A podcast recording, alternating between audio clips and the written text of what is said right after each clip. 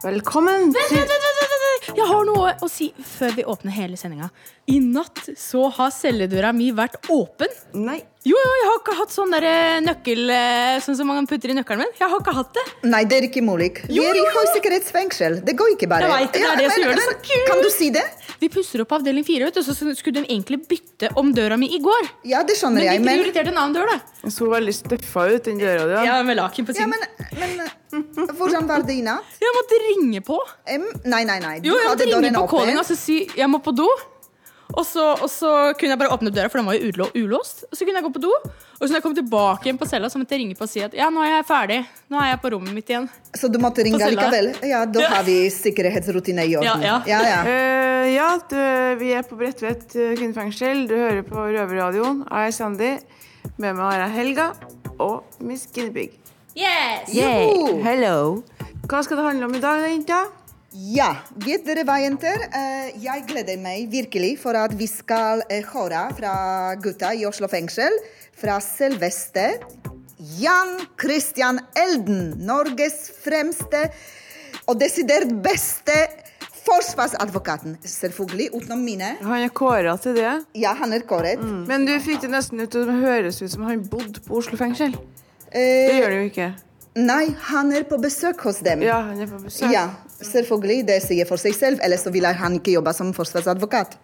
Men jeg har hørt faktisk at han har en sånn eh, kalkulator. Han kan faktisk regne Han er ut jusnerd, som han sier sjøl. Han Ja. Men det er noe annet virkelig. For at dette hardbarka advokat. Ja, men det er straffeutmåling. Ja. Kalkulator. I hodet. Så han kan faktisk Ja, er det blir sånn interessant. Rainman på juss. Um, vi skal også høre ifra Espen, som uh, har skrevet brev til seg sjøl. Altså råd til seg sjøl som ung, uh, da han begynte å skli ut. Noe annet, Espen. Han sitter i Oslo fengsel. Han er røveren vår. Han eh, mener at kjefting ikke virker på han. Det funker ikke lenger. Hvorfor? Det skal du få høre seinere. Og det gleder vi oss. Det gleder vi oss veldig til. Og da sier vi bare klar, ferdig Røverradioen. Kjør.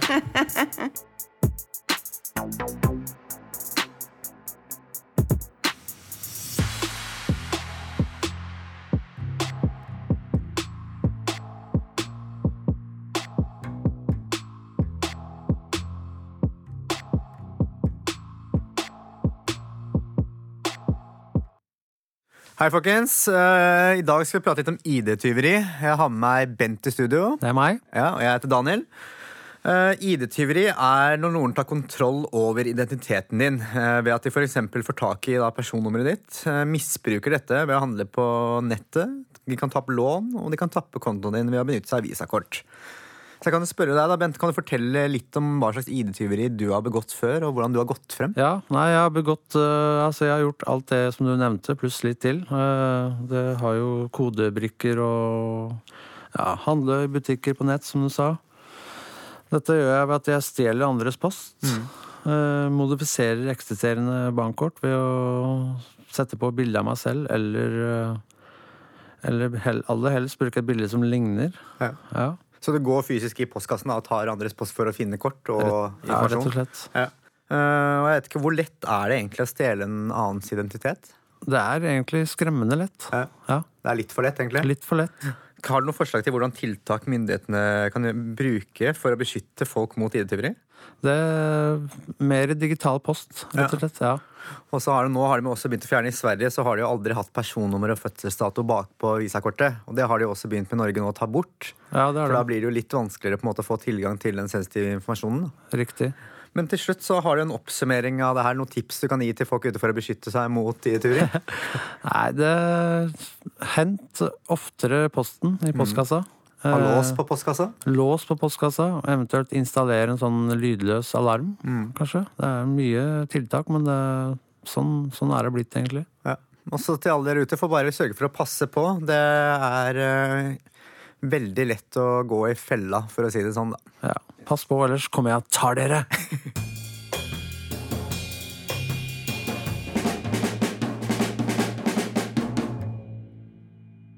Hei, jeg heter Espen, og jeg soner nå min åttende dom her i Oslo fengsel. Jeg har blitt bedt om å skrive et brev til meg selv om hvilke råd jeg ville gitt meg som tenåring. Espen, jeg vet at du allerede har fått mange gode råd fra de eldre gutta du henger med, om hva som venter deg hvis du fortsetter videre på den veien du allerede har begynt å bevege deg i. Jeg vet også at de fleste av de rådene bare går inn det ene øret og ut av det andre. Du hører jo bare det du vil høre. Du er ung, og du tror at du er udødelig. Alt er jo så nytt og så spennende. Det eneste som virkelig fester seg, er når det blir fortalt om de uskrevne reglene som er i miljøet, som du vil lære deg for å kunne bli en del av det. Du vil kjapt nok få oppleve at det livet som du er på vei til å velge, ikke bare består av kjappe penger, damer, rus og status. Det følger også med tunge og mørke stunder, noe du for alvor vil merke senere i livet med tapet av din beste kompis og den store kjærligheten Tina, som begge taper kampen mot rusen. Det holder til slutt ikke bare å ruse seg i helgene og på fest. Rusen begynner å styre hverdagen din. Du beveger deg mer og mer bort fra familien og alle de gode kompisene dine som er bra for deg og betyr alt. Du begynner å lure dem og sniker deg unna for å ruse deg. Rusen har tatt over livet ditt. Den kommer til å prege mange av de valgene du tar i tiden framover. Kriminaliteten øker, og du kommer bare til å gjøre drøyere og drøyere ting for å opprettholde rusen og den store pengeforbruken din. Du blir bare mer uforsiktig og havner til slutt i fengsel. I årene som følger, er det som om du har skaffa deg et klippekort i Oslo fengsel. Du har vært der så mange ganger at du er på fornavn med de fleste betjentene som jobber der. Årene går, og det blir vanskeligere å komme seg ut av den karusellen som du valgte å hoppe på. De tinga som du kommer til å oppleve og se, er noe som vil prege deg resten av livet. Jeg kunne godt ha forklart deg det mer i detalj, men det er ingen vits i. Det ville bare blitt så sjukt at du hadde ikke trodd at jeg snakker sant allikevel. Det er ingen lek der ute. Miljøet er hardt og jævlig tøft. Du har aldri hørt på noen av de rådene og advarslene som du har blitt fortalt tidligere.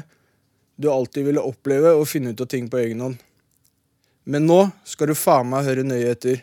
Dette er deg selv som snakker etter nesten 20 år i et liv med kriminalitet og rus. Det er ingen som kjenner deg bedre enn meg. Skjerp deg. Du er bra nok som du er. Du trenger ikke å ruse deg for å føle at du får bedre selvtillit. Du har allerede altfor mye av det. Drit i det presset som er rundt deg, og drit i at du alltid skal prestere bedre enn alle andre. Det presset er det kun deg selv som skaper, og du vil bare bli sliten og lei av det. Få opp øya og se på den som er rundt deg, på vennene dine og på familien din. Se hvor mye du betyr for dem, og hvor høyt de elsker deg.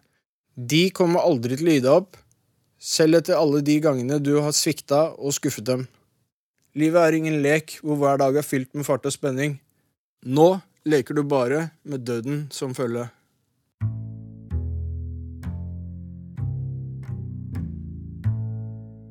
Innsatte i norske fengsler lager radio. Du hører Røverradioen i NRK P2.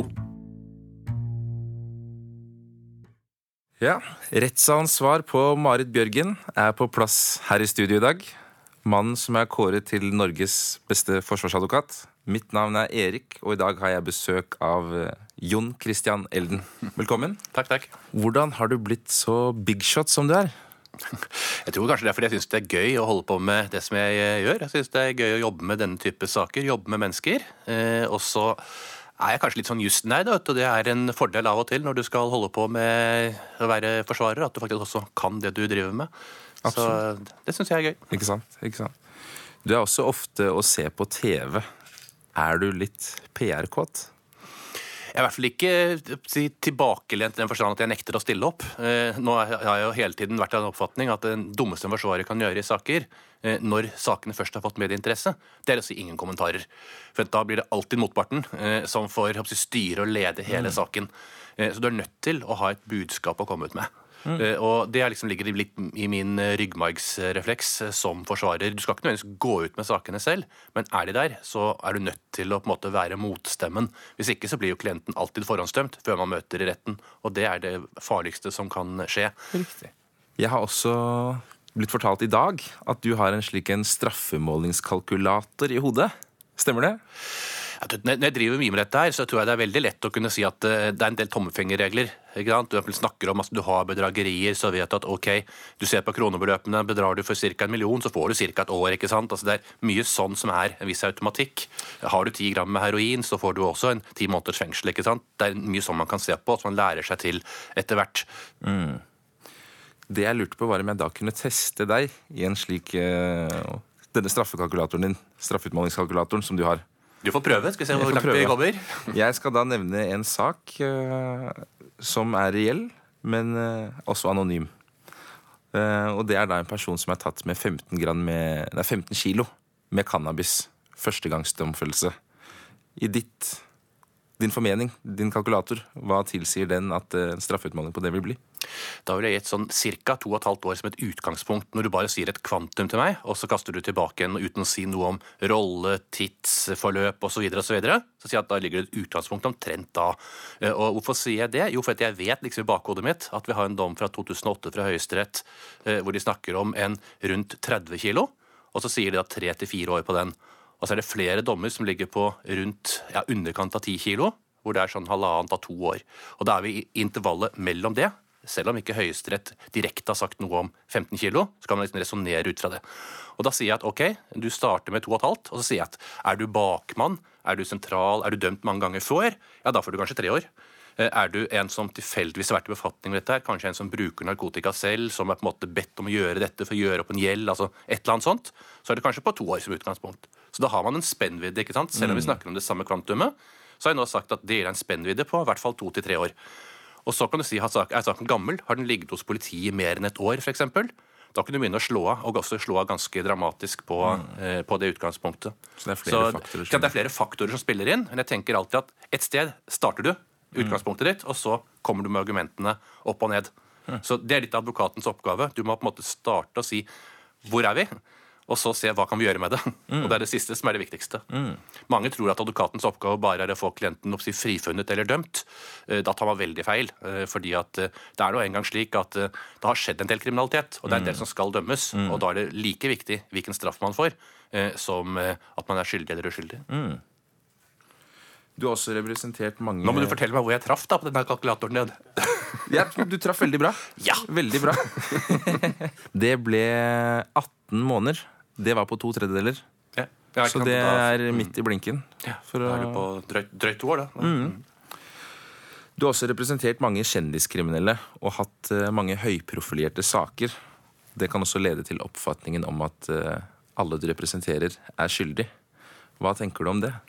Ja, det er et sånn munnhell, hørte jeg, som ble startet på Nytt på Nytt i et humorprogram, og så har den eh, hengt seg videre. Det som er litt morsomt, er jo at den personen som kom med det på dette humorprogrammet, er jo en person som eh, er eh, klient hos meg, og som har fastholdt sin uskyld, og som ble frifunnet, så vi får jo, jeg får heller resonnere ut fra det og tenke hm, hva var det egentlig, vedkommende prøvde å si her?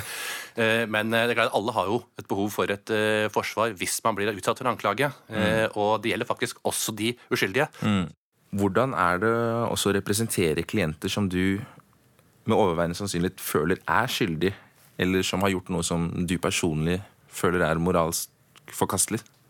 Nå er ikke strafferett eh, moral i den forstand at man skal dømme noen av hva som er moralsk forkastelig, men man skal dømme noen hvis det er et, eh, en lovparagraf som sier at dette er straffbart, at det er ulovlig å gjøre det.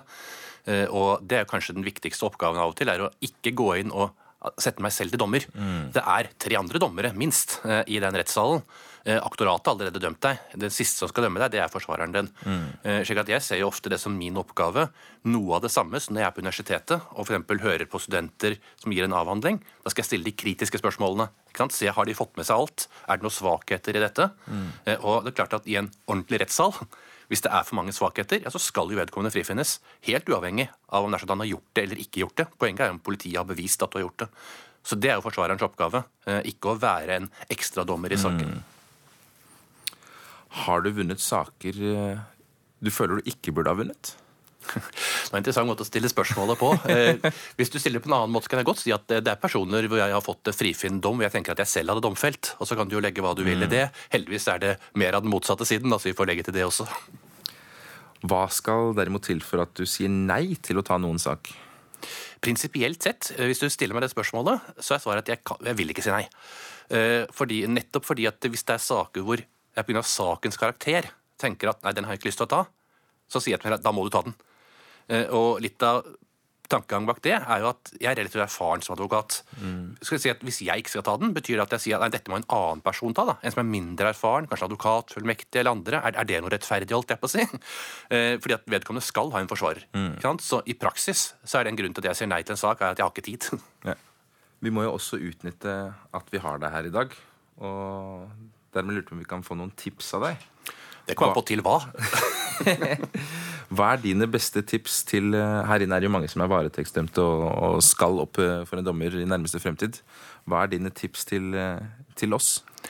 Hvis du skal, Vi snakker om varetektssituasjon, eller tenker du på senere om du får dom? Men Folk som eventuelt skal i en, I en hovedforhandling. En hovedforhandling, Ja. helt riktig. Jeg tror nok at Noe av det viktigste du kan gjøre, det er å fremstå på en troverdig måte eh, overfor dommeren. Altså Dommerne må på en måte føle at de snakker med en person som er opptatt av å fortelle dem sannheten. Hvis du føler at du fjåser, maser, ikke bryr deg, eh, ikke har empati osv., så, videre, så har du motbakke. Det betyr ikke at du blir dømt. Fordi at det skal fortsatt være bevis til, men det skader ikke å ha litt sympati også. Det skader ikke å stå for det man har gjort, og på en måte eventuelt beklage eh, det, hvis det skulle være grunnlag for å gjøre det, eh, i stedet for å kanskje benekte de selv de mest åpenbare forhold. Eh, Du skal tross alt bli behandlet på en rettferdig og riktig måte, mm. og du kan bidra en del til det selv. Og det er ikke sikkert at det lureste alltid er å lene seg tilbake og ikke si noe eller å være flåste. Avslutningsvis så har jeg en eh, liten påstand. Og det er da at uh, i retten så skal jo sannheten komme frem. Men uh, det er jo ikke noe sted, tror jeg, eller mener vi, hvor det blir fortalt mer løgner enn i en rettssal. Hva tenker du om det? Det er helt riktig, og det gjelder like mye i sivile saker som i straffesaker. og Like mye med helt sånn vanlige, ordinære mennesker som står i retten som personer som er anklaget for noe kriminelt. For at Grunnen til at vi står i retten, enten i en hovedforhandling i en straffesak eller i en sivil tvist mellom to personer, er jo stort sett at de har en forskjellig oppfatning av eh, faktum. Og da er det engang sånn da, at veldig ofte må en av dem lyve. Eh, Og hvem av dem? Det er da dommerens store dilemma å prøve å finne ut av. Ja. Jon Christian Elden, tusen takk for at du kom. Og ikke at du trenger det, men lykke til med neste rettssak. Takk, takk. Innsatte i norske fengsler lager radio. Du hører Røverradioen i NRK P2. Det å få kjeft er et kjent fenomen for mange som sitter i fengsel. Jeg heter Noah, jeg står her med Espen. Eh, Og Espen, jeg lurer på en ting. Ja, hva da? Eh, Jeg hørte nemlig at eh, når du kommer til kjefting, så kommer du til et punkt hvor det ikke funker å bli kjefta på. Hva er det du mener med det, Espen? Det jeg mener med det, er vel egentlig Det er ikke det at jeg kommer til det der punktet hvis du hadde kjefta på meg nå, så hadde jeg kommet til punktet, men det jeg mener da, det er liksom Jeg har fått så mye kjeft opp igjennom helt siden jeg var uh, liten kid, at uh, kjeft funker ikke på meg lenger, på en måte. da Det, uh, det bare preller av. Jeg er så vant til å få kjeft. Ja.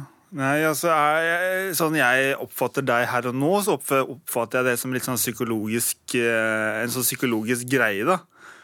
Så på en måte Jeg vet ikke hvordan jeg skal si det, men uh, Ja, men du kan jo sikkert eh, Jeg vet da søren om du, hva du tenker på når du mener psykologisk. nest, jeg vet ikke om, du, om jeg kan bruke ordet arrogant. da Om du på en måte har fått så mye kjeft at du har blitt arrogant til det. At uh, du bare, det bare preller av det. Nei, Jeg bare stenger det ute. Ja, ikke sant? Du kjenner ikke på det. På, altså, da tenker jeg, Er det noe inni deg som skjer, da? Eh, ja, det skjer sikkert masse inni meg. Det kommer en sånn liten der uh, Kommer en liten faen da, som bare tenker at uh, det her gidder jeg ikke å høre på. Så du, når du kommer dit, dette her gidder jeg ikke å høre på, klarer du å skille mellom hva som er riktig og feil i den kjefta du får? Jeg blokker ute. Du blokker ut Jeg gir faen. Og så, Ja. og så ofte når jeg Hvis noen kjefter på meg, da Altså, Jeg hører jo hva som blir sagt, og alt det der, men jeg bare driter i det. på en måte. Men uh, hvis det er noe Hvis jeg mener at kjeften ikke er uh, rett begrunna, eller hva du skal kalle det, så kan jeg fort gå til motangrep og kjefte tilbake. Ja. Så, da, sånn så det du sier er at du, hvis du får kjeft, så klarer du å kjenne på det og føle på det før du på en måte feirer av det? Nei, men jeg hører jo hva som blir sagt. Ja. Hvis ikke jeg Altså, Hvis ikke jeg er enig i det som blir sagt, da, så, så kan jeg gå til sånn Hva skal du si? Det er en sånn forsvarsgreie. Men ofte, Jeg har også vært den som har kjefta tilbake med en gang. Ja. Men det er ikke alltid det er riktig. Det er ikke alltid det er like bra å gjøre det. Nei, men det er jo ikke riktig å kjefte uten grunn heller. Nei, det, det er det, men altså det, poenget mitt er å på en måte klare å kjenne på det. Hva er det riktig og feil her og nå? Ja. I den situasjonen. jeg, jeg har fått så mye kjeft jeg, at jeg bare driter i det. for å si det sånn. Ja, nettopp. Hvis du skjønner hva jeg mener, da. Det, når, du, når du har fått kjeft øh, og fått skylda for alt, selv om du ikke kanskje har gjort de tingene som du får skylda for, og så får du kjeft for det, til slutt så bare stenger du av. Bare Ja, ja. Hvis du har gjort noe gærent, Espen, og du får kjeft, og det ikke funker på deg, mm. eller eh, sånne typer mennesker som har de samme greiene der da, som deg, hva skal man gjøre? Det er, liksom, det, er, det er litt hvordan man eh, Hva skal man si? Det er litt hvordan man går fram, da. Det er jeg enig i, men hvis noen setter seg ned med meg og forteller hva jeg har gjort galt, på en helt uh, Hva faen er det heter, da? Helt ja, rolig og ja, det, Jeg skjønner den, men hvis jeg kan si det, bare si en ting Ja. du, altså, Jeg kan ikke forandre alle andre rundt meg.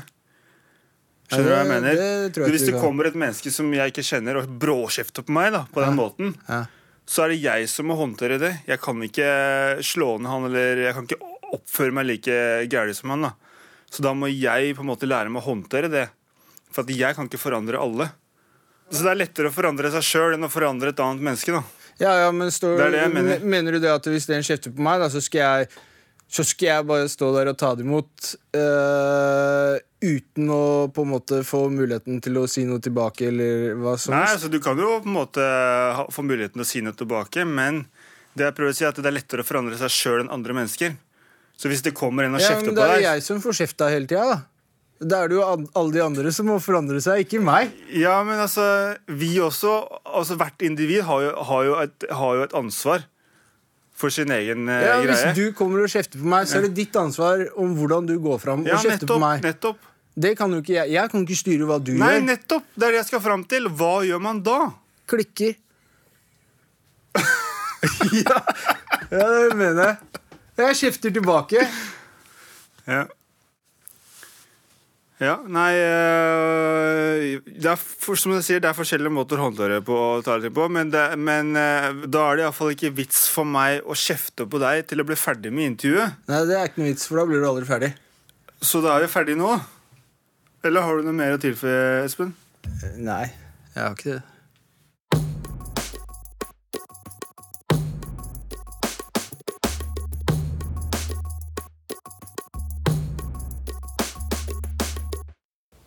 Jeg, Miss Guinevere, har med meg Katrine i dag. Og vi skal eh, snakke litt om dette med å sitte i fengsel som mor. Og, og da lurer jeg på, Katrine, hvordan du takler det å være mor og sitte i fengsel. Ja, uh, takle det er vel en veldig vanskelig greie. Uh, det å komme i fengsel og bli nøktern, det får jo en til å begynne å tenke og måtte føle på de tingene man kanskje har ruset seg veldig mye vekk fra. da. Den dårlige samvittigheten, skammen, det å føle man har svikta den personen man vil egentlig best uh, Unne det beste av alle man har rundt seg. Eh, så det er en vanskelig greie. Det ligger mye skyld, skam. eh, noe som gjør det også vanskelig for meg å skulle kanskje komme ut av det òg, fordi at man må føle på så mye. Og samtidig som man har ruset seg, så har man bygd opp enda mye mer. Eh, så det blir sånn vond sirkel da, som er veldig vanskelig å komme ut av. Men, men eh, du er motivert eller, til å, bli rusfri og føle at du kan få tilbake sønnen din i livet ditt, eller? Ja, jeg har jo kontakt med sønnen min, eh, men jeg har jo lyst til å ha mye mer kontakt med han. Jeg har jo lyst til å være en deltakende person i livet hans sitt. Og jeg håper jo at jeg, jeg kommer til å greie å få det til nå, da. Mm. Så Er dette noe du kan snakke med sønnen din om? Ja, jeg føler jo at han begynner å bli litt eldre, da, og da begynner det å bli lettere å prate med han om ting. da. Det som er viktig for meg å få han til å forstå, det er at det er, at det, det er ikke hans feil. Han skal Nei. ikke føle eller tro at det er noe galt med han, for han er per, helt perfekt. Jeg kunne ikke fått det mer perfekt gutt, liksom. Så det, men det er mange folk som har fordommer der ute, og jeg vil gjerne si til de at alt dere tenker, det har jeg tenkt og følt på ti ganger mer enn dere kan tro. Eh, så det at det, ting er ikke så enkelt som alle skal ha det til. Og, ja. Jeg håper, Det er- håper du greier å mestre det å bli rusfri. For Ja. sønnen din. Ja.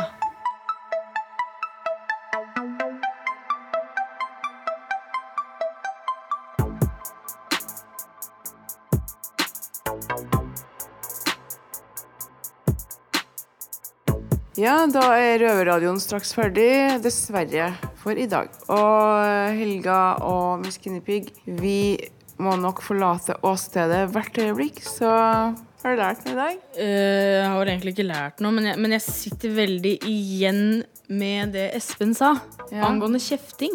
Ja. Fordi det er jo noe som jeg kjenner veldig, veldig lett igjen. Altså, jeg har jo ADHD, og når jeg blir litt for ADHD, da, så er det sånn Miss Guinea kom hit. Vi skal inn på kontoret. Vi skal snakke. Det var interessant eh, å høre på eh, Jan Christian Elden, og det viste seg faktisk at han kunne regne. Det overrasket meg. Han er en meget interessant Ja. figur. Virkelig. Mm. Eh, jeg liker han. Eh, Da kan du faget ditt, altså. Han er dyktig. Og den brevet til Espen Ja, rørte det? Ja, det gjorde det faktisk. For at det krever mot, og det er ganske tøft å skrive til seg selv. Ja, så en det sjølinnsikt, da. Og så er det så mange triste skjebner. Det er så mange triste historier. Men jenter, jeg hørte at dere skal tilbake til deres avdeling. Vi er ikke på den samme avdeling, men dere har sånne fine utsikter hos dere. Ja. Ja, det var jo som jeg nevnte i starten, at eh, vi pusser opp på avdeling fire. Og Er da er det jo selvfølgelig arbeidere der, og det er jo bare menn. Er det noen kjekke? Eh, Det er en fra Øst-Europa, så jeg lurte på om du kanskje kunne hjelpe meg å skrive noen sånne strofer som er litt kule. Ja, det kan ikke jeg gjøre. noe dirty Nei, nei, nei. words, nei. bare Sånn. Ja, nei. Ja. litt smooth, Uh, Ja, det, det kan jeg gjøre, men jeg skjønner ikke Får dere lov å snakke med dem? Nei, jeg gjør det i all hemmelighet når betjentene ikke ser meg. Jeg har fått så mye kjeft for at jeg eh, snakker og er hyggelig med dem. Jeg føler at jeg blir normalisert. Jeg, det har vi det er jo om helt du. teit. Du kan ikke fortelle mennesker at du ikke kan snakke med andre mennesker. Når de er så tett på dere. Ikke Så det, så Det det betyr eh, Ja, så det Ja, betyr det blir så unaturlig setting. Ja. Ah, Men eh, eh, det betyr at dere kan se på dem, men ikke røre dem, sant? Røverradioen er faktisk tilbake igjen om en uke, så da hører du oss På lørdag P2 halv to. Og ikke minst, du kan høre oss på nettet. Akkurat når du vil. iTunes, podcast, eh, Soundcloud Du har ganske mange alternativer, egentlig. Ja, nå er faktisk Så eh, NRK å P2 deg òg. Ja, slå deg løs i radioverden og lytt på Røverradioen. Ha det. Ha det bra, og takk Ha det for i dag.